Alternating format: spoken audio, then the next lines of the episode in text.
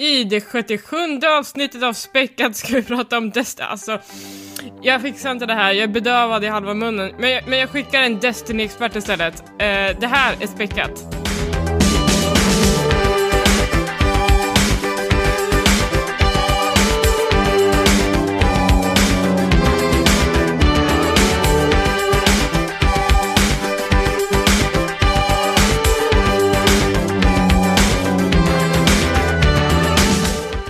Hej och välkomna till avsnitt 67 i Späckat. Den här veckan med mig, Per Landin, men också med två eminenta personer i form av Niklas Lundqvist och, eh, hur ska man säga, Hearthstones, svensk Hearthstones egen Lasse Granqvist, Mikael Jansson. Hej hej! Hej på er. Hej, hej, hej. Hejsan hejsan. Eh, förra veckan hade vi Elisabeth och Lisa ihop med deras gäst eh, Effie Karaboda. Den här gången så är det all mail. Mhm. Eh, vi får se hur det fungerar. Hur, hur har veckan varit? För- Förresten, Per. Va, Ja. Vem är Granqvist? Lasse Granqvist, det är ju Sveriges bästa eh, kommentator. I vadå? Eller ja, Sveriges bästa sportkommentator. Så svensk Carstons Lasse Granqvist får jag se som Är det en... Dota eller är det... Ja, det- ja, Kanske är mer av en Christian Olsson eller någonting, jag vet inte. Artur Ja, Ringa? det, jag förstår, det, det, det är avlägset för dig. Ta det som en komplimang Okej, och glad. okej. Ja, ja, ja. Mm, Tack. Tack, tack, tack. Eh, Men eh, kul att ha dig tillbaka i Späckat. Du är ju en frekvent gäst här i alla fall. Ja, Det är väl typ lite då och då. Späckats sjätte medlem, eller liksom inofficiella sjätte medlem. Ja, jag tänker mig som så här, eh, nu kanske inte man vill vara det, men jag tänkte så här, Svenska Akademins ständiga sekreterare. Eller jag tänker mig också lite grann som så här, i, eh, vad heter han? ehm, i- Horace Engdahl. Ja, exakt, Horace Engdahl. Eller typ i, Det är ingen bra, det är ingen bra titel. Eller typ, det är ett eh, nedköp från Lasse Granqvist. På spåret här, bisittaren liksom, eller någonting liknande. Eller DJn om det är ett program liksom, eller liknande. Så att det så här, kommer in ibland och drar ett skämt då och då. Eh, jag, är- jag är också den som typ håller i hela rankingen för eh, Goty-podden också. Eh, så när vi har den så kommer jag eh, ha mitt eget system för att bestämma vilken som blir årets bästa spel helt enkelt. Ja, det är några månader kvar till det, men startfältet hittills har ju varit otroligt starkt. Förra veckan avhandlade vi bland annat Spiderman som enligt många är där uppe och, vad ska man säga, harvar lite om att eh, tävla om, om första platsen. Jag vet inte, jag har inte spelat Spiderman än, som det stora Spiderman-fan jag är. Du är väl också ett ganska stort Spiderman-fan? Ja, ja. Ja, ja, absolut. Jag är uppväxt med det. Men då, på min tid hette det Spindelmannen. Så, och eh, Wolverine hette Järven. Oj, då pratar vi alltså eh, sent 80-tal nästan här. Eh, precis, och framförallt Våghalsen, vilket var ju en bra översättning där. Eh, Av det, det, var, det, det var ett tag sedan. Jo, absolut, jag är jättefan och jag, är, jag, har prövat, jag har kört spelet lite och jag är helt eh, förälskad i det. Det är helt underbart. Mm. Niklas, har du någon relation till eh, superhjältar eller superhjältespel i allmänhet? Eh, ganska dåligt. Jag, jag försökte tänka efter här. Jag tror att det, är- de enda jag har spelat är väl de gamla Turtles-spelen. Om de kan räknas som superhjältar.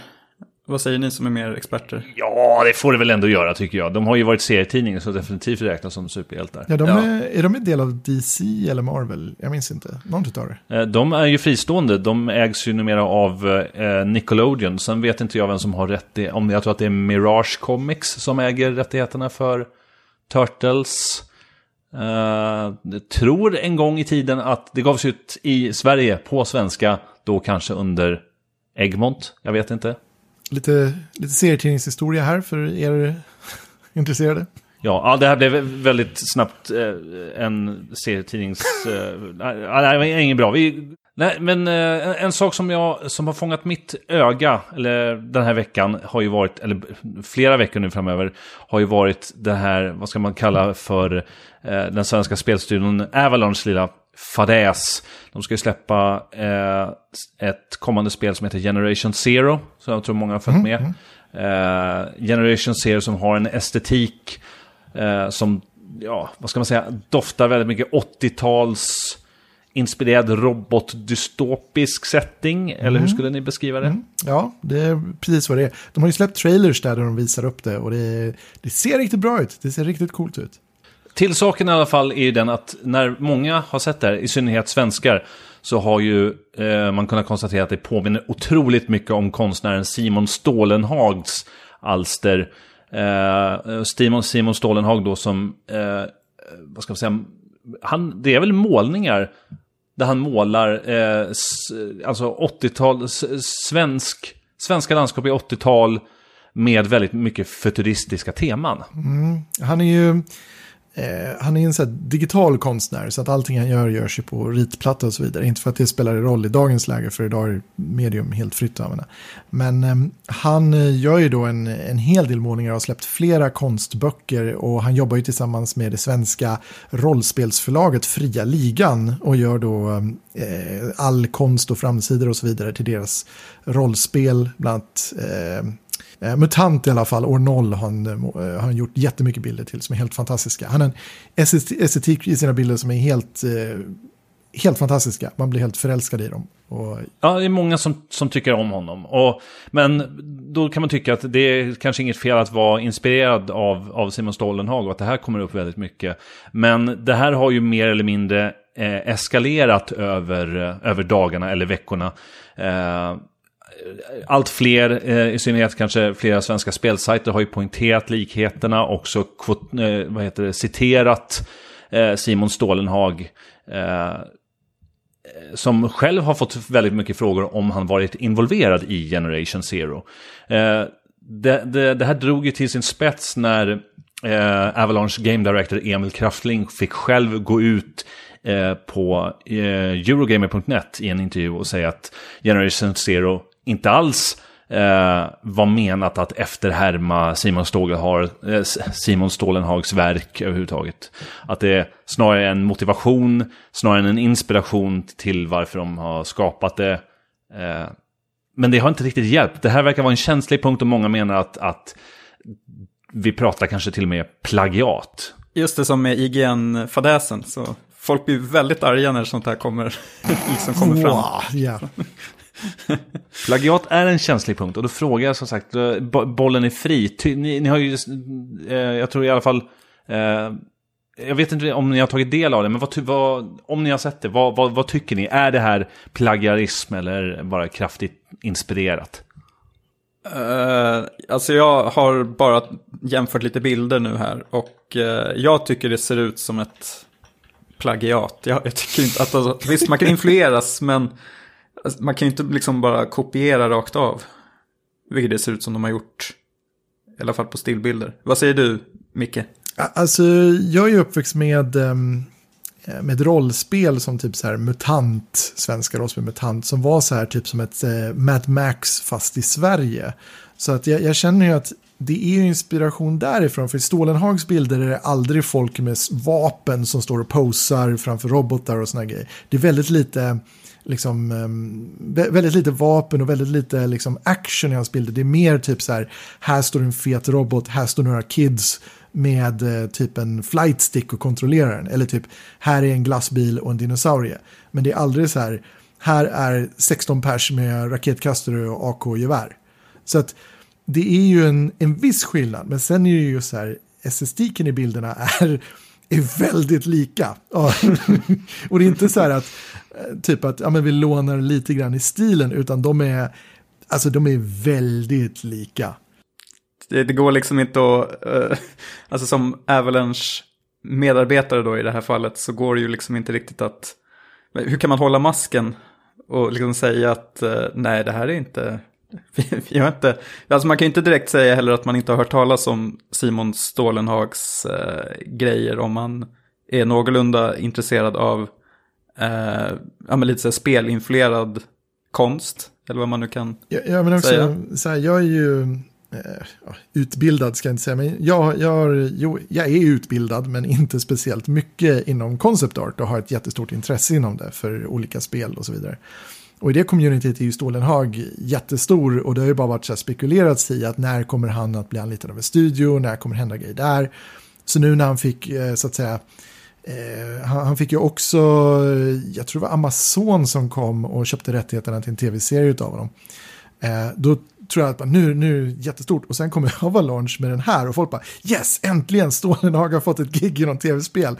Och sen bara, nej, det har ni inte fått. Det här är något annat. Alltså det som jag tänker spontant är att det finns eh, två scenarion. Ett, att de faktiskt inte är, eh, att det inte är inspirerat överhuvudtaget, att det bara sköts väldigt illa av Avalanche, att de har kommunicerat ut det här eh, förvånansvärt dåligt. Och två, att det faktiskt i tidigt stadium har funnits liksom, eh, varje spel använder ju någon form av konceptart för att bygga eh, sina miljöer för, för eh, ja, men, eh, environmental artists och, och, och allt vad det är. Och sen som sagt att det sköts dåligt. Men eh, Micke, du som eh, jobbar lite i branschen här, du fuskar inte bara i, i, eh, i det stilistiska, utan du är ju också en, involverad i vad ska man säga, marketing och, och kanske till och med PR. Vad tycker du om, om den hanteringen som Avalanche har ja, skött? Alltså, jag, är ju, jag är ju reklamare i, liksom, i, i, i grund och botten så att säga. Jag har jobbat på flera olika ställen och jobbat på olika medier samtidigt också. Så att, och jag tycker ju så här, det, det, det konstigaste med hela den här historien, jag kan förstå varför vissa grejer händs, men konstiga är att när Avalanche säger att det här är ingen stor grej, det här är svenska spelmedier som har blåst upp det här. Det är därför det nu är en grej. Och så är det ju inte. Det är ju för att... Nej, det där luktar så himla mycket surfa på fake media och bärsa journalister-trenden. Ja, men alla liksom Kolla ut dem på det bullshit och de bara nej, nej, nej, kolla här. Alltså, och alla svenska spelmedier bara så här, åh gud vad, vad mycket vi sa det. Vi postade om spelet och då var hela vårt kommentarfält bara fyllt av de här grejerna. Vi sa ingenting. Så att det är nog snarare så att ni har plagierat Stålenhag och sen försöker på. Men, men jag tror ju så här, det är troligtvis så att det är någon stackars snubbe på Avalanche som har eh, helt enkelt inspirerats av Stålenhag och sen egentligen gjort det väldigt, väldigt likt utan att riktigt så här, tänka sig för. Någon har godkänt alla de här grejerna utan att tänka sig för, för att troligtvis den projektledaren eller den som är game designer kanske inte vet om Stålenhag för de rör sig inte i den världen. Och nu så kan de inte erkänna att det är kopierat eller plagierat eller vad som helst. Det får inte hända för då helt plötsligt så kommer de vara skyldiga Stålenhag pengar för det här. Och då är det bättre att bara blåförneka och hoppas att Stålenhag inte går och stämmer dem. Och som det ser ut nu, han kommer inte göra det för han är en, han är en fantastisk person och väldigt, väldigt trevlig. Jag träffade honom eh, två gånger tror jag vi träffat honom. Eh, så att han är ju så här super nice snubbe liksom som bara vill, han vill bara gå omkring och rita i naturen liksom. Han verkar väldigt ödmjuk, men till och med han, hans tålamod verkar ju ta slut lite när han liksom bad eh, Avalanche att uttala sig så att han slapp ta frågorna. Precis. Ja, allt han vill är bara säga så här, nej jag är inte inblandad i spelet. Men han vill ju att de ska säga det, för varenda gång de postar en trailer då kommer folk till honom och bara, coolt Simon. har, har, du gjort ett spel? mm, vi får väl se lite där vad, vad som händer med Generation Zero om, om det fortsätter att eskalera den här debatten eller om vi har sett liksom eh, piken på eh, plagiarism. Eh. eh jag tror inte det här kommer, ingen kommer släppa det här. Utan det här kommer ju jaga Avalanche ett bra tag framöver. Men vi får se om det påverkar siffrorna eller inte. Det är det som kommer bli intressant. Och framförallt är det ett bra spel. Uh, ja, det är en av våra två nyheter för det här programmet. Och Niklas, du har ju rotat fram en uh, annan, kanske, jag vet inte, mer eller mindre spännande nyhet. Det kanske ligger i, i lyssnarens öra. Uh, vad har du? Ja, det är ju att min gamla förebild, nej, Leisure Suit Larry, Oj. är tillbaka. man trodde ju lite att han, att hans spelserie var nedlagd Uh, det kom en, jag tror det kom en någon typ av reboot 2004 som inte blev någon dundersuccé och sen har det varit tyst. Men uh, som en blixt från klar himmel så kommer nu Leisure Suit Larry Wet Dreams Don't Dry till PC och Mac 7 november. och, uh, oj, oj, oj. Ja, jag vet inte. Det fick mig att minnas tillbaka lite. Jag har ju faktiskt spelat ett par av spelen i den här serien. Um, då måste jag gärna fråga, vad är attraktionskraften med att spela Legacy Jag, vet, jag tycker Mikael beskrev det så bra innan vi började spela in här, att han sa att det var en uh, hu hu humoristiskt spel med vuxeninslag. Eller vad det var nu var. Ja, men det är lite så här, det är lite buskis. Alltså... Ja, det är mycket så här gubbskämt, dåliga uh, pans, eller vad man säger. Det är ju ett peka och klicka-spel då som... Uh, som går väl ut på att man ska, man vill liksom ligga. Det är väl det som är poängen. Om man är någon typ av ungkar som är så helt hopplös eh, när det gäller dejtande och så vidare. Um, Jag kommer ihåg att jag, jag fick upp ögonen för den här serien när, eh, jag tror det var Leisure Suit Larry 6 som heter Shape Up or Slip Out. eh, som...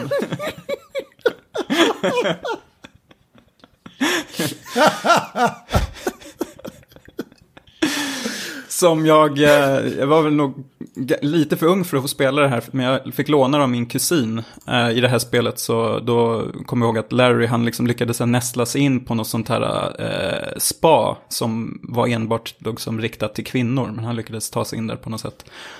Um, och att min, eh, min mamma kom på mig när jag spelade det här spelet och tog ifrån mig det och lämnade tillbaka det till min kusin, så han aldrig klarade det. Och, eh, och sen att det allra första spelet har jag försökt testa igen.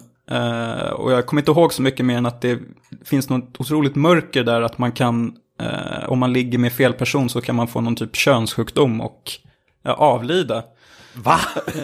Ja, det är liksom game over. Visst är det så mycket? Du hade också Jag, spelat. jag, jag tror fast att det är de, är de första. Det är så här, det är väl... Det som ni pratar om är Land of the Lounge Lizards från 1987, stämmer det? Det, det Ja, det kan stämmer. vara det. Alltså, jag, jag minns bara att, i och för sig alla peka-klicka-spel från den tiden var ju ganska så här definitiva, men det var ju inte så här, ja nu händer de där grejerna. Jag kommer ihåg när jag spelade, vad heter det, Police eh, Academy, tror jag det hette, eller Police Story, nej.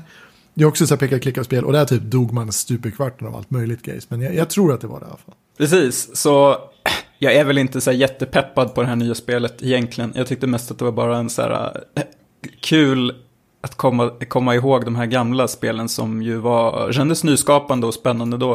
Eh, men eh, jag vet inte riktigt om att det här kommer bli en lika så här uppskattad återkomst till PK-klicka-genren som typ Thimbleweed Park eller något liknande som ju ändå var, var en positiv överraskning. Men jag tycker det här ser ganska, jag vet inte, lite gubbsjukt ut.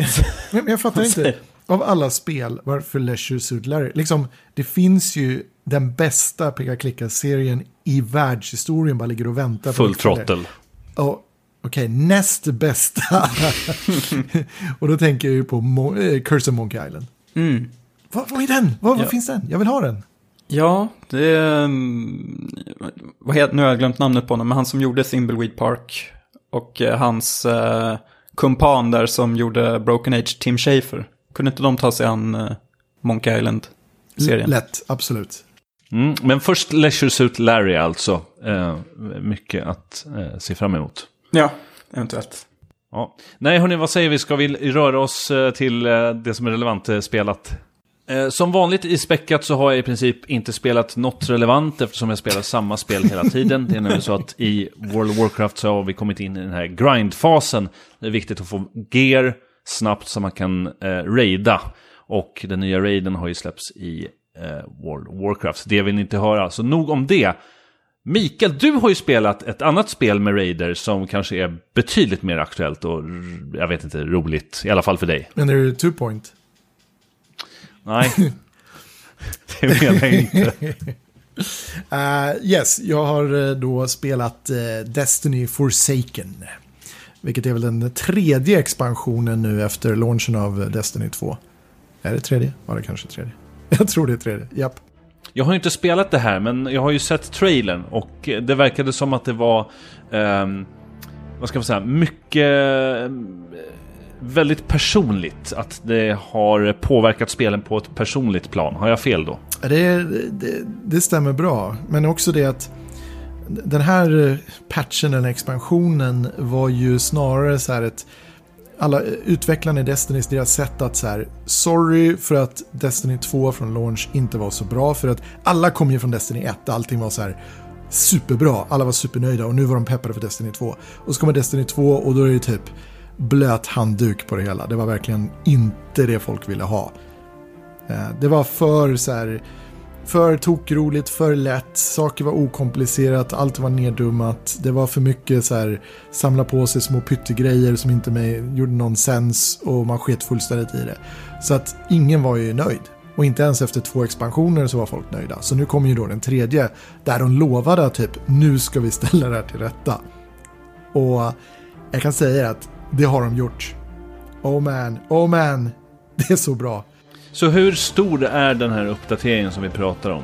Eh, Och vad är det man åtgärdar från det gamla som, som liksom återställer det till sin forna glans. Ja, den är väl en 35 gigabyte.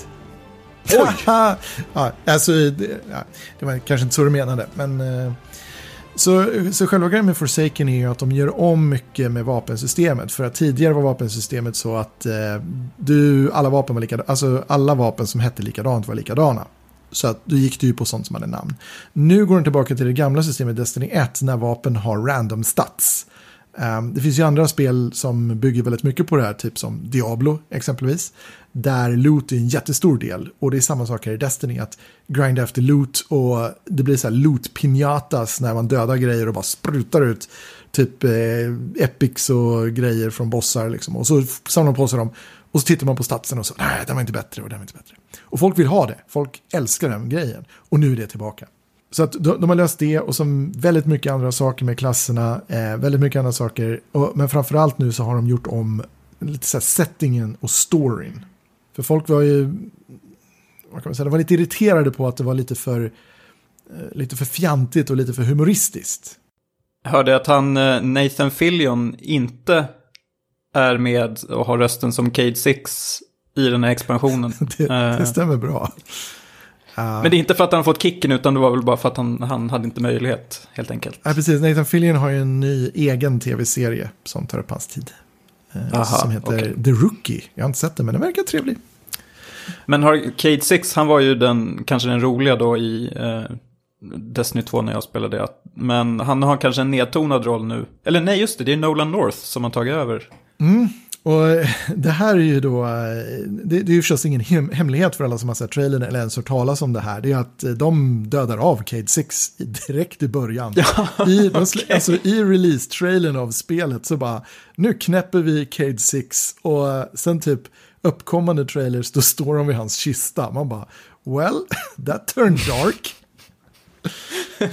Men, och är det ett sätt att, visa för spelarna då att så här, nu får ni det som ni ville ha, nu rör vi oss bort från, från humorn till, tillbaka till det mörka och nu ska man ha chansen att, att hämnas. Vill man ens hämnas? Ja, jag vet inte. Alltså det vill man. Alltså tidigare de här så var ju typ, folk klagar på att så här, the stake is not high. Folk kan ju säga det så här, oh nu står världen på spel och bla bla bla bla. Men man kände aldrig av det för då bara göra missions och så klarar man boss och så var allt fint igen.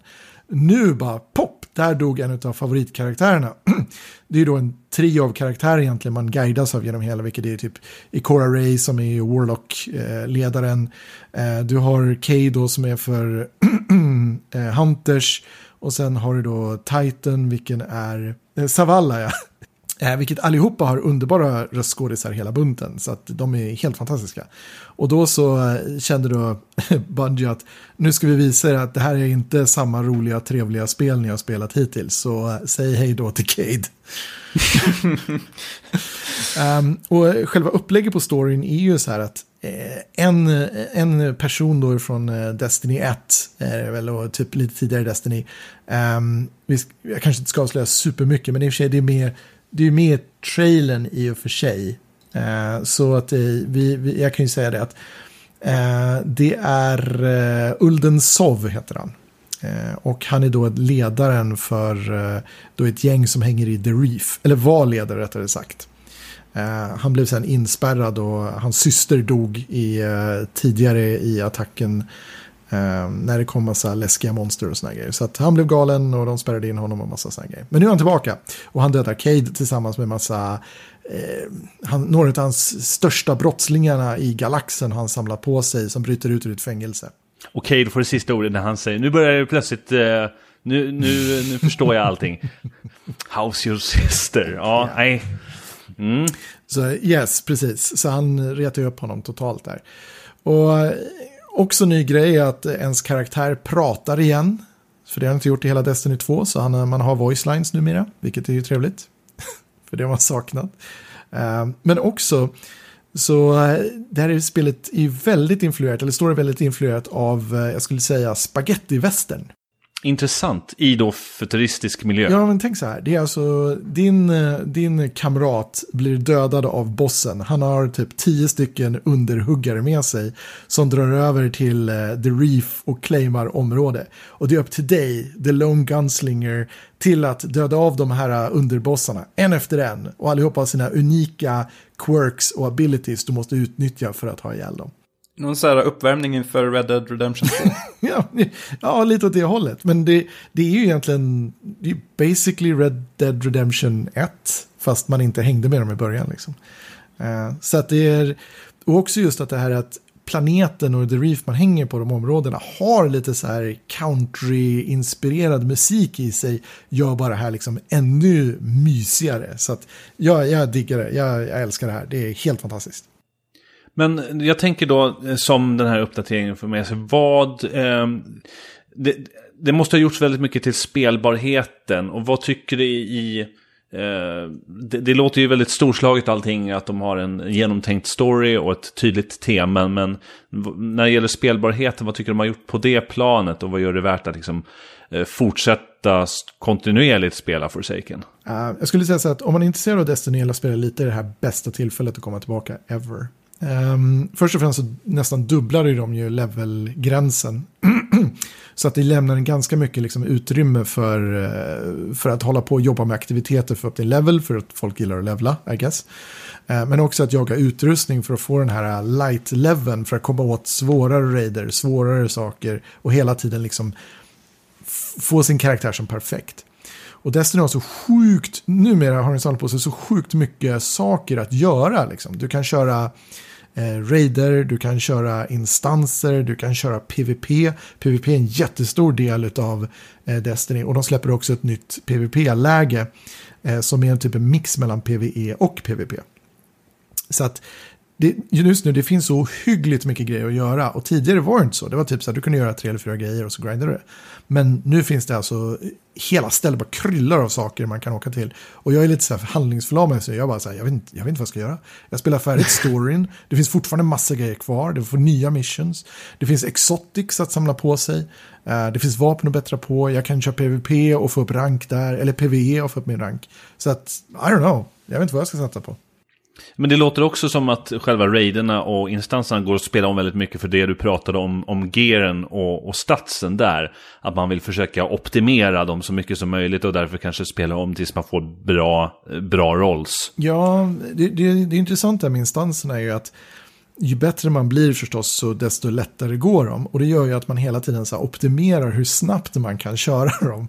Så med ett bra crew då bränner man igenom det här ganska snabbt. Och det är roligare att se när ens karaktär förbättras och så här instanser man tidigare hade jätteproblem med och det var tufft. Nu är plötsligt bara blåser man igenom dem och bara mördar bossen. Men då kanske inte uppgraderingen är lika bra. För då måste du gå på en högre rank av de här eh, instanserna, det vill säga, eh, vad heter det, Nightfall.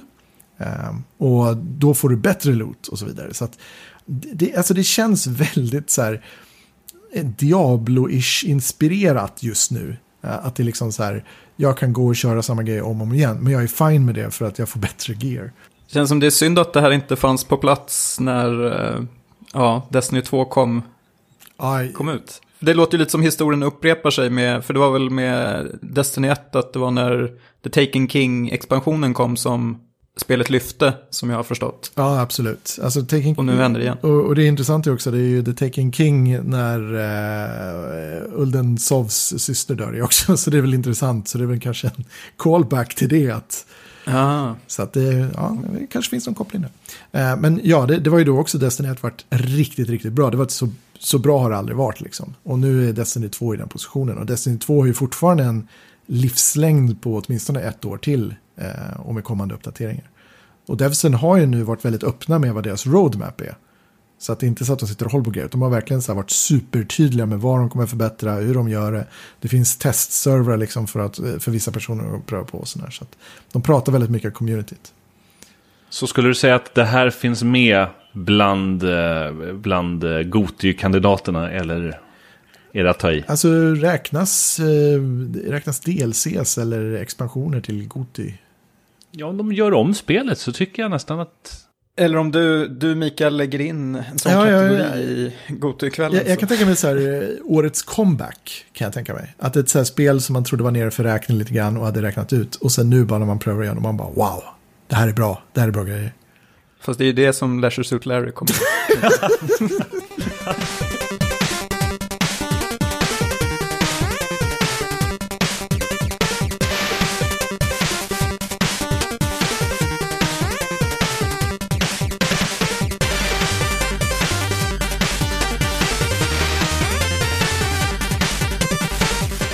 tack för det Micke. Um, någon som, annat spel, som annars har spelat spel också är ju Niklas. Och Niklas, du är ju så jävla flitig med att hitta liksom, nya titlar som jag typ aldrig har hört talas om. Och nu har du gjort det igen och nu har du spelat någonting som heter The Messenger. Yes, uh, The Messenger då, som är ett uh, relativt hypat eh, uh, 2D-plattformsspel.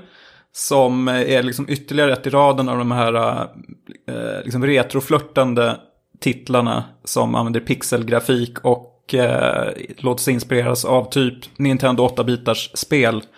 Um, och eh, ja, liksom musiken och grafiken och eh, spelkontrollen och allt sånt hänger med.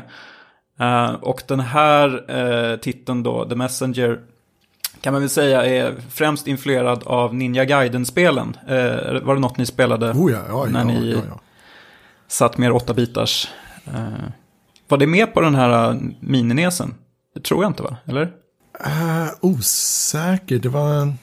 Jag, jag mixade ihop den, jag har ju den och sen 16-bitars. Uh, Mm. jag, jag minns faktiskt inte. Det var väl nog en miss i så fall om de inte tog med det. För det är väl ett ganska legendariskt spel. Eh, men det är så här, eh, jag skulle nog vilja jämföra det lite med Shovel Knight som jag eh, spelade strax innan detta i att det är ett spel som är ganska så här, självmedvetet, använder ganska mycket humor, eh, liksom hymlar inte med sina influenser, om man säger.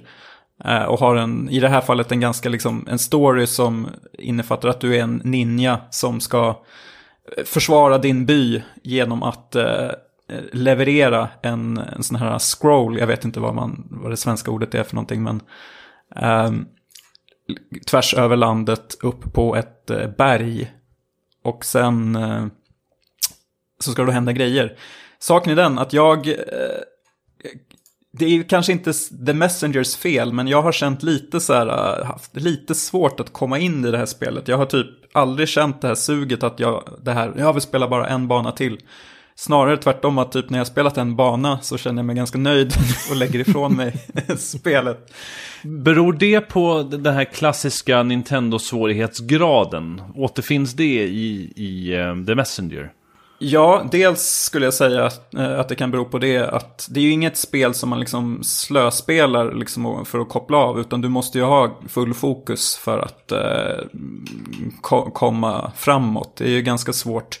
Sen så tror jag väl också att det kan bero på att jag själv har spelat en hel del eh, liknande spel till Nintendo Switch strax innan detta. Eh, Shovel Knight då som jag nämnde och sen då Bloodstained, Curse of the Moon som var det här liksom Castlevania flörtande spelet och även Celeste till viss grad. Så det är därför jag känner att jag kanske är lite, lite mätt på det. Jag tycker att det är liksom så här, det är kul men eh, liksom det är inte så exceptionellt kul. Eh, bandesignen kanske kunde ha varit lite mer spännande. Till exempel.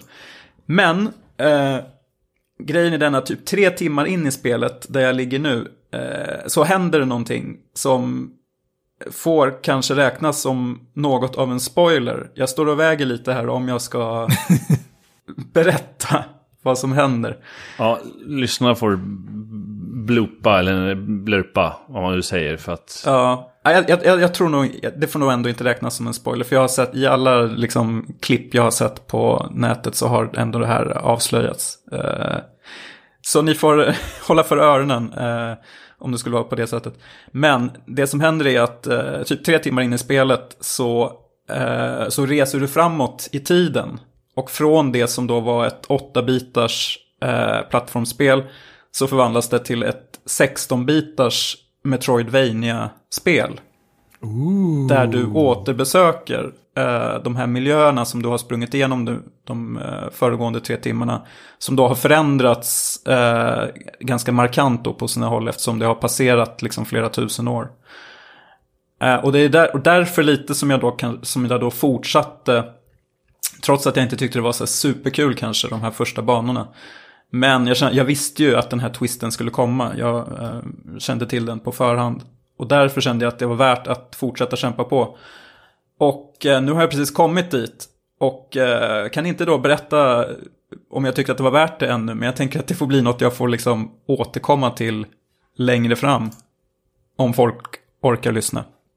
och, och det, hur, hur, hur caterades det här, tänker jag? Var det, var det som hemlis eller fanns det redan liksom i, i eh, vad säger jag, in, under spelets utveckling att det skulle vara så här? Eller har det kommit som en överraskning bland folk? Ja, jag, jag har svårt att tänka mig att folk har kunnat bli överraskade. Det var liksom det som eh, fick, fick mig att bli intresserad och sög in mig i det här äh, spelet. Att det skulle ju vara just det här skiftet äh, halvvägs in. Och äh, jag har sett spelutvecklarna själva sitta och berätta om det här. Så det, det, kan ju inte vara så att de har velat liksom verkligen trycka på att det skulle vara hemligt. Så jag känner inte något dåligt samvete att jag har avslöjat det här nu för er.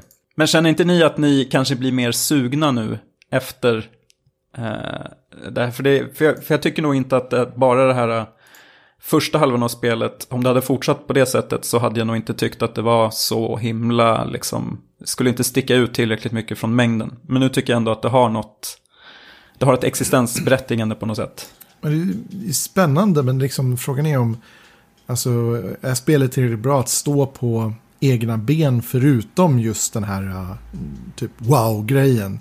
Och sen efter det blir det typ bara, eh. det kan ju bli så. Det kan ju bli att efter nyhetens behag att det liksom svanar ganska fort. Nej, men jag tror någonting som du var inne på också lite grann att eh, det lät som du har redan spelat den här typen av genre med både plattform och Metroidvania ganska mycket. Eh, och att det just nu finns liksom en övermättnad av sådana spel på marknaden. Sådana som kanske är bättre. Jag blir, när jag ser estetiken så känns det så himla... Ja, Nintendo är kul men är det... Liksom, är det så roligt? Måste, ja, är det så kul? Då måste det liksom vara Shovel Knight-klass överlag. Eller jag vet inte. Ja, lite så är det väl. Och det finns, alltså just de, de här spelen passar ju så himla bra till Switch också, tycker jag. Uh, spela, försökte mig på eh, Eh, Hollow Knight tidigare också. Och sen spelade jag ju Ori and the Blind Forest till eh, PC. Så det, det, jag får ju skylla mig lite själv som har liksom verkligen hela sommaren i princip bara spelat sådana här, här spel. Uh, men jag tycker ändå att det här är liksom värt att, för det är, liksom, det är ju relativt billigt. Om man verkligen gillar den här typen av spel och inte kan få nog av den här nostalgin, uh, retro-nostalgin, så då tror jag nog att man kommer att tycka om det ändå. Även fast jag inte är så här helt såld ännu som ni kanske märker. Ja, alltså det, det låter lite intressant men um, ja. Jag, kanske inget man behöver kasta sig Du har inte riktigt sålt in det liksom jättebra här. Nej. Nej, jag står ju och väger fortfarande själv så jag vet inte riktigt vad jag... Jag får väl ge ett slutomdöme nästa gång.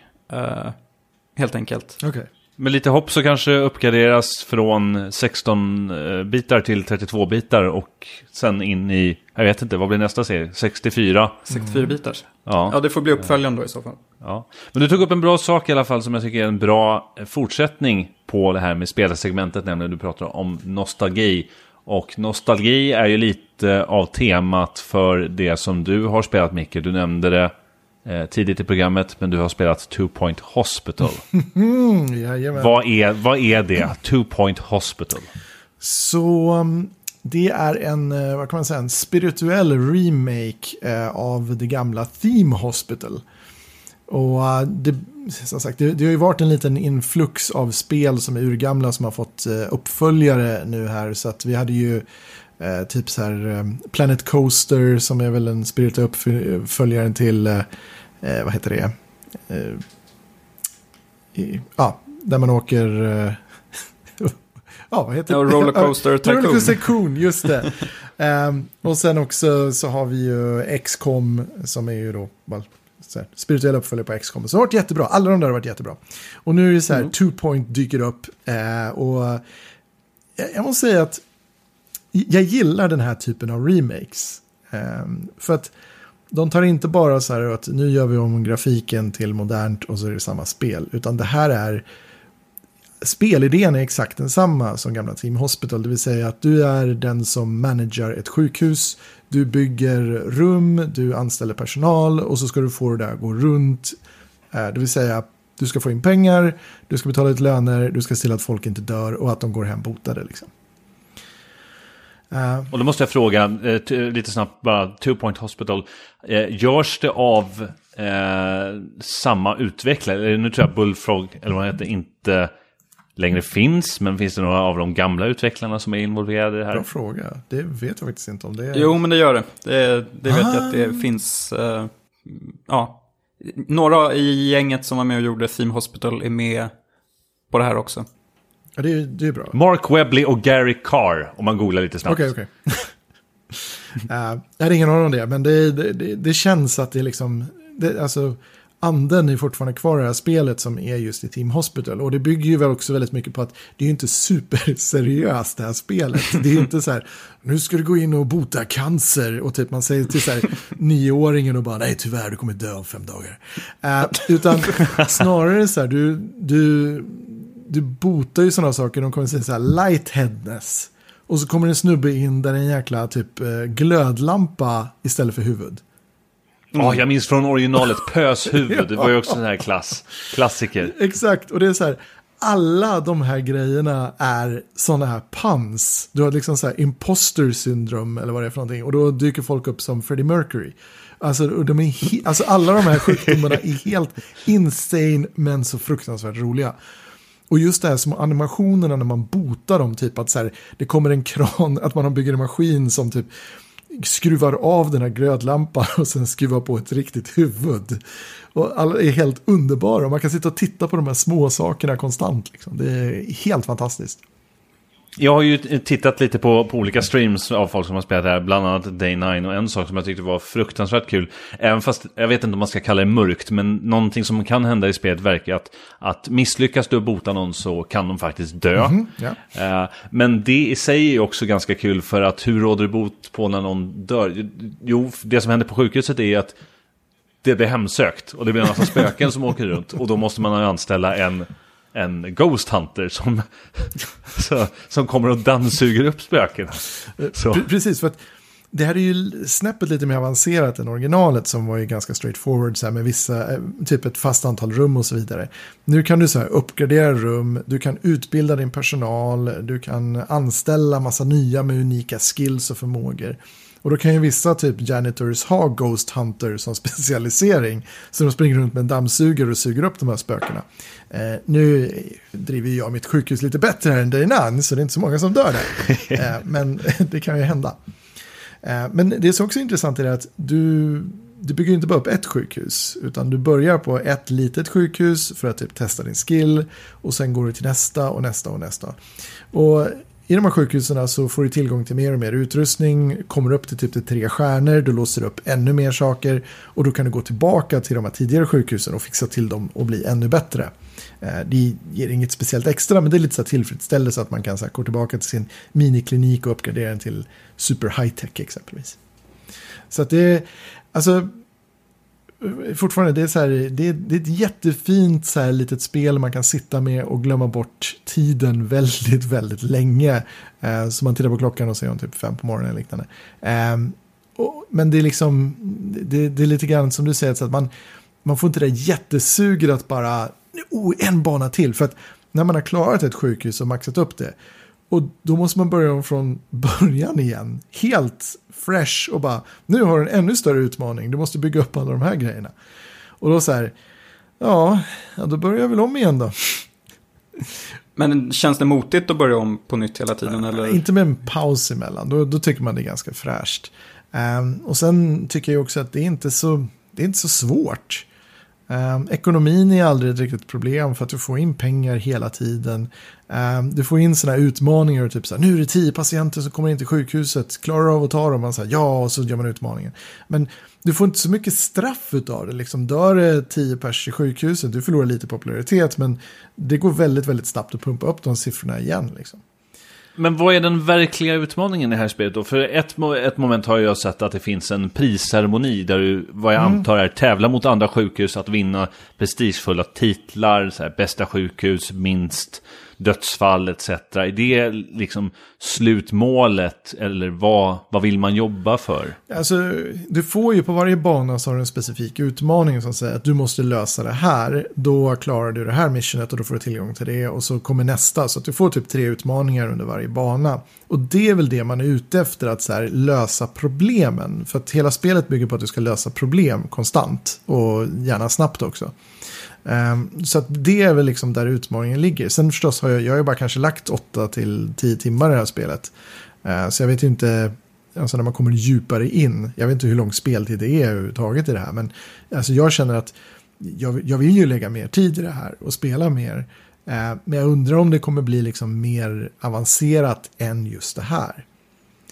Eh, för om man jämför med exempelvis som Rollercoaster Tycoon eller exempelvis om man tittar på typ SimCity som är också så här gammalt spel. Nya SimCity är inte så jättebra, men äh, äh, så att om man tittar på de typerna av spelen då går man ju tillbaka till dem bara för att liksom sätta upp en utmaning att så här, nu ska jag bygga den perfekta staden liksom, eller nu ska jag bygga den perfekta themeparken.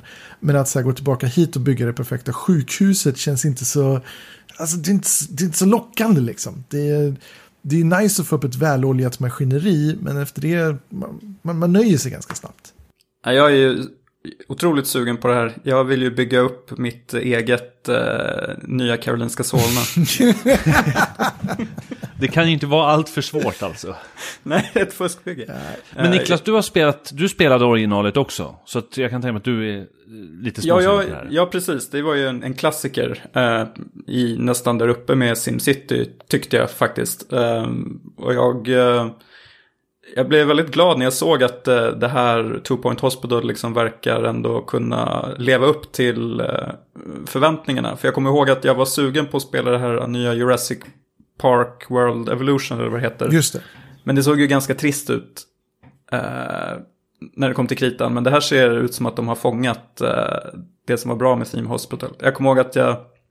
Eh, det var så kul för det fanns på i Themes Hospital fanns det en, en svensk röst eh, som ropade ut saker att så här, snälla patienterna spy inte i korridorerna. Och typ om man så kunde man, kunde man fuska på något sätt för att få oändligt med pengar. Och då sa eh, den här spiken något i stil med att Varning, varning, sjukhusdirektören fuskar. någonting. Precis som på NKS, där jag jobbar för övrigt. Oops. Um, ja, så jag är ju supersugen på det här. Jag väntar bara på rätt tillfälle att uh, hoppa in i det. Alltså det är fortfarande, det är ju inte ett superdyrt spel om man jämför med de här supernya titlarna som Spindelman och så vidare. Men, ehm, så att det, är, det är ju väl värt pengarna och den tiden jag lägger på det i alla fall. Eh, och jag kommer lägga mycket mer. Och är det så att man vill ha någonting som är likvärdigt eller kanske bättre än originalet, ja, men då, då har man det här tycker jag. Jag är, jag är helt nöjd med det. Vad besviken jag blir för övrigt nu på, med, när vi är på pants. Nu fick jag inte möjlighet att fråga under Leisure Suit Larry. Är det här till, är det bang for the buck? Men, ja. Det är aldrig för sent för en bra pann. Mm. Då kan vi säga att det här är ett sjukt bra spel. Ja. Mm, där satt den. Så, satt nu går jag hem. Hej då. Nej, nu ser jag hemma.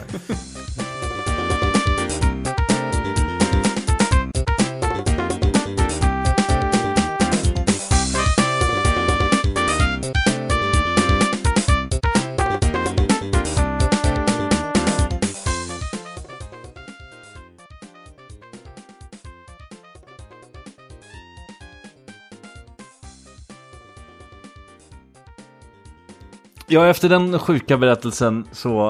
Eh, vi, vi, närmar oss någon form av, av slut snart, men vi har fortfarande lite tid kvar faktiskt. Och eh, Micke, du har ju faktiskt spelat mer spel.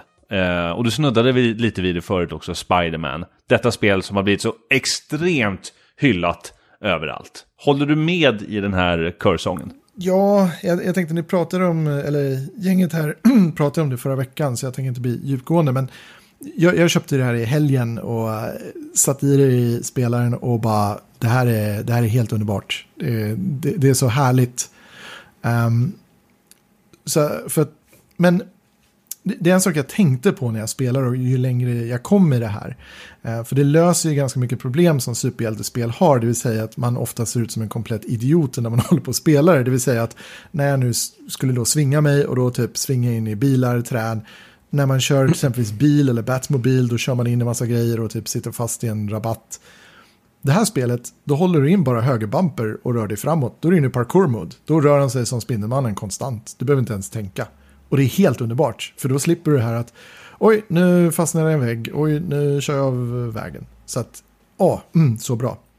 Men... Men hur, jag förstår inte, hur funkar det konkret? Alltså, är det som ett så här release me-funktion som lyfter upp dig ur mo- modeller som du fastnar Nej, i? nej, det är eller? så att om du håller in höger bumper, då går Spindelmannen in i parkour mode. Det betyder att när du springer framåt, då kommer han att hoppa, volta över grejer, springa upp för byggnader, svinga sig själv. Alltså, Okej. allt det där är automatiskt. Du kan själv kontrollera typ så här hastigheten han dyker så att du själv kan göra tricks. Och, men du slipper tänka på att liksom så här exakt tajma hopp, hoppa över den här saken, eh, gå runt hörn. Så det blir inte så här en grej att man så springer in i en vägg. Det händer aldrig, utan håller du bara i en bumpen, då kommer Spindelmannen vara Spindelmannen hela tiden. Vilket jag verkligen älskar. Och jag önskar ett spel som hade typ bilkörning i sig hade en likadan grej. För att när jag hoppar in i en bil... Parkour mode med bilar. Åh herregud, när jag hoppar in i en bil i vilket spel som helst, typ så här nu när Cyberpunk kommer och jag fick se typ bilder därifrån. Eller typ video när de åker med bil. Och allt jag tänkte på var att jag kommer meja ner halva den där befolkningen för jag är så usel på bilspel. Det kommer vara så mycket dödsfall på den där vägen. Eh, men det var inte det jag skulle säga. det, var, det var ett bra sak. Utan jag skulle säga så här till dem, ett tips till dem som spelar Spindelmannen, eller ska börja spela Spindelmannen. Det är att spela storyn och gör saker så att säga däremellan. Gå inte 100% på alla collectibles och grejer direkt i början, utan spela storyn, ta uppdrag när de ligger emellan eh, och ta uppdrag när spelet säger till dig att nu har du tid att göra grejer. Aha. För att- Det är så lätt att bara, nu ska jag samla på mig alla f- 40 ryggsäckar som Peter Parker har slarvat bort över hela jäkla New York, vilket är weird. Eh, Det låter väldigt dyrt. det är väldigt dyrt. Så att, eller typ ta alla foton och göra de här grejerna. Men gör det inte. Utan istället gör det när du svingar dig förbi en ryggsäck. Ja, där är en ryggsäck, fine. Men att aktivt gå efter alla de här grejerna, typ efter ett par timmar in i spelet, det är inte värt det. För då du kommer bränna ut dig helt. Det är... Man vill ju inte spela själva spelet. Man vill ju sätta sig ner i, i eh, serietidningsemulatorn och bara göra serietidningsomslag. Det är i alla fall vad jag hade gjort med det här spelet. Photo Den mode, oh my god, det är ju... Oh. helt fantastiskt. Eh, Och sen dräkten också. Den första dräkten jag, jag gjorde var Scarlet Spider. Åh, Det, är, det är bra dräkt. Niklas, du hade en fråga till Micke också, för nu har vi ju faktiskt med Micke som, han, han, är, han är så bra på så mycket grejer och i synnerhet, ja vad tänkte du fråga om? Brädspel? Ja, jag, jag fick ju inte eh, köpa några brädspel när jag gick på den här loppmarknaden förra, för förra helgen. Fick, fick Eh, du, för det var så mycket folk. Ja, var det så? Jag tänkte, du var inte där Micke, för du, du har väl alla spel redan, tänker jag. Ah, nej, det är bara så att jag har en, jag har en garderob full så jag, jag köper inte mer brädspel för att jag har inte plats för. Så jag har nu tillbringat en ganska lång tid med att städa ur hela mitt förråd för att kunna sätta upp en par hyllor där så jag kan fylla på med mer grejer. Ah, jag gillar det. Men har du spelat något, ehm, eller vilka är de bästa spelen, eller de du har spelat mest på sistone? Det behöver inte vara nya spel, men... Nej, så något som släpptes ganska nyligen och som är en tillsats, det är ju, vi diskuterade tidigare så här konstnärer som Stålenhag och så vidare. Och det finns ett spel här i brädspelsvärlden som också är en fantastisk konstnär som heter Scythe, eller Scythe, eller hur man nu vill eh, uttala det. Eh, och det är ett lite äldre spel som är ett, så här, ett ganska lättsamt strategispel som är då Östeuropa under i så här steampunk första världskriget settings med Nikolaj Tesla i spetsen. Eh, där man då tar lite olika roller som olika nationer. Så här Rusviet och så vidare, de är påhittade allihopa. Eh, Skype har ju fått en expansion, eh, ny alldeles ny expansion. Det finns eh, ett par mindre expansioner som har släppts tidigare. Men nu har det kommit en, eh, vad folk säger är så kallad legacy-expansion. Legacy är ett ganska hett tema inom brädspel just nu. Eh, jag ska förklara vad det är alldeles strax. Men den heter Rise of the Fendris. Eh, och legacy i brädspel handlar egentligen om att det, då får du lådan och det är massa så här slutna boxar och slutna kuvert. Du har ingen aning vad som är i dem. Och du ska helst inte bli spoilad då också. Ehm, och när du spelar så säger spelet till dig att nu ska du öppna det här kuvertet. Nu ska du öppna den här boxen. Nu ska du göra de här grejerna. Och det är typ legacy-grejen. Och det handlar lite om också att i vissa fall, i vissa spel, då river du sönder korten. Eller du måste skriva på dem, något sånt där. Och då går det inte att spela om den här grejen igen. Pandemic har en legacy-funktion exempelvis. Och för övrigt, Pandemic eh, Legacy, helt amazing. Har jag hört, jag har inte spelat det själv, men folk säger att det är helt fantastiskt. Vi började spela det och sen så tröttnade jag och så blev det inget mer. Ja, men Skype har nu fått en sån. Men däremot så är det inte legacy, utan det, du kan spela om det flera gånger. Det är alltså en kampanj på ett visst antal uppdrag du spelar eh, med olika regler i site. Så vi har nu varannan vecka så kör vi nu eh, site eh, Rise of Fenris. Eh, så det, det kan jag verkligen, verkligen starkt rekommendera. Men det här är inte ett av de här spelen där man målar gubbar som jag har sett att du gör ganska ofta. Nej, jag, jag, jag tänkte jag ska tipsa om två spel till eh, faktiskt. Eh, Mm. Varav då ett är måla gubbar. Det här skulle ju kunna bli ett stående inslag det- nästan. Jag tycker nästan det. Eh, well, Elisabeth spelar också ganska mycket spel, så det är brädspel. Vi har ju en samling ihop där. Eh, men eh, det finns gubbar i och de kan målas, vilket jag kan ha gjort. jag gör det. Eh, men eh, det behövs inte alls. Det är ett jättefint spel och det är jättebra regler. Och det är ett sånt här game man kan slänga upp. Och det, det tar kanske två timmar att spela igenom, men det är lätt värt det. För att den här världen är bra och spelet är bra. Och det finns en ohyggligt stor replayability i det här. För man känner det att, oh det här kunde jag gjort bättre, det här kunde jag gjort annorlunda, nu vill jag spela igen. Liksom. Men man ska börja med originalspelet. Eller? Det kanske man inte behöver. Eh, Du behöver originalspelet och sen behöver du Ja. expansionen. Sen finns det två expansioner till och de är inte nödvändiga. Det är om du vill vara sju spelare så kan du köpa till en expansion som kommer med två extra arméer. Eller två extra länder. Eh, Och sen om du vill Yes. spela med stora flygande ångbåtar då kan du köpa till The Wind Gambit. Det vill man ju. Ja, eh, jag, jag gillar inte den så jättemycket. Nu börjar jag bli intresserad här när du nämner om båtar i luften. Eh, Men eh, jag har ju två andra spel jag kan rekommendera också. Eh, Och det är framförallt ett som heter Roll for the Galaxy. Eh, det är inget nytt spel utan ett litet äldre och det baseras på ett eh, kortspel som eh, heter Race for the Galaxy som också är helt amazing. Det är så här superlätt att ta med sig, man kan spela fem personer, man kör med en kortlek och så försöker man bygga upp ett rymdimperium. Helt fantastiskt. Men nu finns det ett som heter Roll for the Galaxy där istället för kort du har så har du tärningar. Och du har väldigt många tärningar. Det är typ hundra tärningar här på Jättemånga tärningar. Ja. Ehm, och det går ut på att varje sån här tärning är en, ehm, en, vad kan man säga, en yrkesgrupp i ditt rymdimperium. Och du får nya av de här tärningarna genom att kolonisera planeter, utveckla teknologier och sånt där. Och varför du har tärningen är för att de symboliserar olika saker de här yrkesgrupperna gör. Så vissa av dem kanske är bättre, militärer är bättre på att utforska eh, och bättre på att expandera ditt imperium. Medan eh, traders är bättre på att fixa mer resurser. Så du bygger upp ett rymdimperium, du utforskar tekniker, du koloniserar planeter och så försöker du bli det största rymdimperiet av det. Och det är fruktansvärt roligt, det är ett av mina favoritspel. Eh, Hur lång tid tar den att, att, tar att spela det här? Eh, ungefär? Om alla kan reglerna kan man dra igenom det här på 40 minuter ungefär. Så det är inte superkomplicerat. Eh, här, reglerna kan tänkas komplicerade i början för de är inte så... Alltså regelbo eller regelboken är inte så superlogisk. Men när man kommer in i att det finns, allting står vad saker gör, men i symboler. Så när man har väl tolkat alla hieroglyfer så är det ganska lättspelat. Uh, så att det, det är något att spela. Och sen har vi sist, sist men inte minst. Jag är ju en stor fan av hela Games Workshop och Warhammer-hobbyn. Och eh, Games Workshop som är då de gör alla sådana här små plastfigurer och tändfigurer man spelar med med stora arméer på ett slagfält och superintensivt och man eh, kräver jättemycket pengar investerade i den här hobbyn. Men nu har de släppt ett spel som heter Kill Team. Och i Kill Team behöver du bara tio gubbar. That's it. Och du får då när du köper killteamlådan, då får du regelbok, du får två lag som du är tvungen att limma ihop och måla själv såklart. Eller inte måla alls om du inte vill det. Um, där olika gubbarna har sina olika specialister, de har sina förmågor.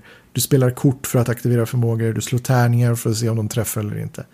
Uh, så är man intresserad av den här uh, figurspelshobbyn så är killteam en perfekt gateway drug in i det tunga plastcrackberoendet. beroendet för mig som har varit lite sugen på Warhammer i, ja, sen barnsben egentligen så tycker jag att det här låter väldigt intressant. Men det är fortfarande problemet eh, att jag måste måla mina egna figurer. Det är det största, eh, den största anledningen som håller tillbaka mig från att på, till, till fullo liksom ge mig in i Warhammer-universat. Det går alltså inte att köpa färdigmålade för det. Nej, de här figurerna du får med har ju två olika färger. Ett lag är rött och ett lag är blått tror jag. Eh, så att du behöver inte måla dem om du inte vill. Eh, men det ger ju en liksom extra dimension när de kommer målade. Och har man vänner som gillar att måla så kan man ju alltid fråga dem om de vill hjälpa till lite. Micke kan måla dem åt typ här. Ja, jag, Smart. jag sitter just och tittar på mitt skrivbord här där jag har liksom typ 100 modeller uppställda som ska målas eller är målade. Vill du att Micke målar dina figurer? Var kan man höra av sig? Nej, nej, nej, nej. Eh, så det var ju det var väl typ ett snabba brädspelstips här. Eh, men eh, Ja, en, en fråga bara. Det här Gloomhaven. Är det något som du har börjat spela eller är sugen på? ja, jag, jag, jag, spelar det, jag har en kampanj igång i det. Och det är ett, Det, det tar så 250 timmar att klara eller någonting Ja. sånt där. Alltså Gloomhaven är ju att jämföra med typ eh, ett riktigt så här gigantiskt rollspel. Det är massa uppdrag man har, man har karaktärer.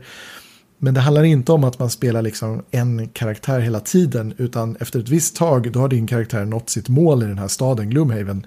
Han pensioneras och då får du en ny gubbe som är helt hemlig. Det är också så här, man vet inte vilka gubbar det finns. Eh, så att det är också ett så här legacy-spel.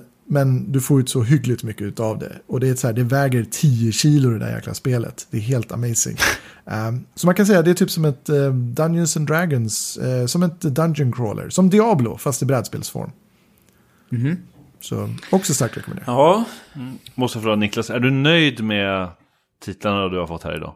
jag är väldigt nöjd. Eh, jag tror nästan att eh, det jag är mest sugen på är väl det här uh, Roll for the Galaxy tyckte jag såg kul ut. Eh, jag gillar det här med att bygga upp Imperium som man gör i eh, Seven Wonders. eh, som jag spelar mycket på sistone. Men det kanske inte finns några direkt likheter. Jo, ja, jag, jag kan säga det är, jag skulle säga att det är ganska likt Seven Wonders fast med tärningar och eh, eh, mer så här, teknologier och så vidare. Eh, Ja, det, det är också, det kanske blir det då. det, det lider ju lite av det här att nu har jag kommit, nu säger spelet till att nu måste du sluta spela för nu har man byggt eh, 12 grejer och då börjar man räkna poäng. så att det är, det är Ja, inte så här, ja. Man sitter och tittar på varandra och bara, hur ligger du till? Och så här, det är lite så där. Men att spelet kan ju sluta när som helst. Eh, så det blir inte en sån här, nu går Per i mål och då vinner han, utan det är snarare så här, ja, Skulle aldrig Nej, men så här, ja, nu, nu har det här kommit till det här uh, slutdelen av spelet och nu måste vi räkna poäng. Och så räknar man poäng och sen så här, grattis du vinner. Så att det är ingen så här Ja. episk final utan det är mer så här, man sitter och typ så här, sliter sitt hår och bara typ, åh jag behöver folk som koloniserar planeter, varför får jag aldrig några folk som koloniserar planeter liksom? Ja, men det är klassisk Seven Wonders. Man faller de korten man vill ha, men det är därför man vill fortsätta spela hela tiden. Hörrni, då måste jag fråga, av, vad vet, vet ni till exempel vad, vad eh, Späckat lider av? Nej. Nej. Eller inte lider av, men det lider mot sitt slut. Och, men Micke, eftersom du ändå är med här, vilket alltid är såklart superkul. Eh, året är inte riktigt slut än, så du kommer säkert dyka upp fler gånger. Men finns det något speciellt, så här, vi har frågat det tidigare, eh, någon speltitel som du ser fram emot framöver som du vill vurma för lite extra? Nu har vi pratat om massa brädspel, men det vore kul att höra. Liksom, Det, ska säga, videospel också. Ja, Är det Space Hulk? Nej. Space, jo jag ser, jag ser faktiskt lite fram emot Space Hulk, men jag tror att eh, alltså, även trots kontroversen kring Cyberpunk så tycker jag att det ser väldigt intressant ut. Jag är, jag är lockad av Cyberpunk-världen. Eh, kanske inte så mycket tack vare demot som visar utan mer så här, jag gillar det universumet liksom och det, den stilen det finns. Så att det, det är därför jag är lite sugen på det just nu. Ehm, så, och samtidigt är det så här att jag inte... Eh, det är ingenting annat jag riktigt ser fram emot som är nytt. Jag, jag verkligen längtar ju efter Diablo på switchen. Eh, och det kommer ge mig ett skäl att köpa en egen switch. Men annars så har jag ingen så här som är, som är, jag är så här passionär, passionerat intresserad av direkt. Det kanske var Spiderman som var ditt eh, höstspel. Ja, ja, kanske det. Jag, jag var inte ens jättesugen på det, men nu när jag skaffade det är jag väldigt glad över att jag gjorde det. Får, får, jag, får jag ställa en fråga till er? Kommer ni vara på Comic Con? I, kanske, vi får se. Eh, tror inte det. Hur så? Nej, jag bara tänkte om vi skulle ses där. Om det kanske kommer en rapport från uh, Späckat om Comic Con i nästa avsnitt. Ja, Per kommer ju lätt vara där. Ja, vi vet att eh, Elisabeth förmodligen också är där, vilket det vet du förmodligen bättre än någon annan. Eh, och om du är där, du som lyssnare, tveka inte att försöka hitta oss. Vi är där som typ Pokémon, fånga oss. Jag vet inte, det var en hems, hemsk liknelse. Ja, nej, det, det kommer ju en rapport. Det gör det, det gör det absolut eh, med största sannolik. Hörrni, eh, späckat till slut för den här gången. Niklas, var kan man hitta dig om man vill prata mer med dig? Eh, Niklas Lundqvist Twitter, OneLess Niklas Instagram. Mikael? At marvinmega på Twitter. På Instagram uh, at marvin5. Och så har jag en Warhammer-Instagram som heter at marvin underscore miniatures. Tror jag att det är. Japp. Mm. Och mig hittar du på Ami Amiibo under... Nej. Eh, mig hittar du på, som vanligt, eh, Twitter. Eh, Per Landin 1 och samma ord. Niklas, du har också säkert mycket bättre koll också på hur man eh, kan nå ut till Späckat om man vill kommentera avsnittet eller eh, ställa en fråga. Var gör man det någonstans? Ja, på Twitter så är det då späckat. Eh, på Instagram är det späckat podd. Och om man vill att eh, Micke ska måla ens eh, gubbar så kan man skriva in till späckatpodcast.gmail.com så tar han emot beställningar där. Stort tack för att du har lyssnat. Vi hörs nästa vecka. Ha det bra. Simma lugnt.